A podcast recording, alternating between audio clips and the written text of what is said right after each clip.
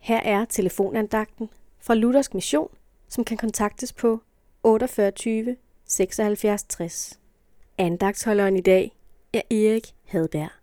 I Romerbrevet kapitel 6 står der skrevet, I er ikke under loven, men under nåden. Hvad vil det sige at være under noget?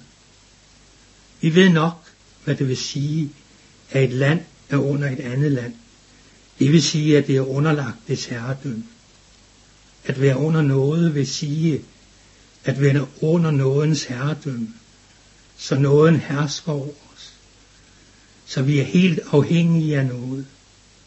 Vi lever af Guds nåde alene. Vi ejer alt af noget. At være under noget, det er ikke lærdom. Det er ikke en eller anden teori. Det er ikke en følelse, men det er en sejrende stilling.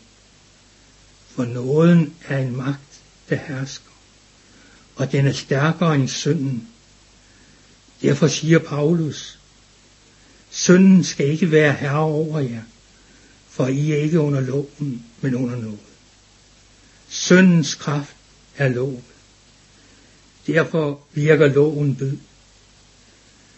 Men nåden skal herske ved retfærdighed til evigt liv ved Jesus Kristus, vor Herre.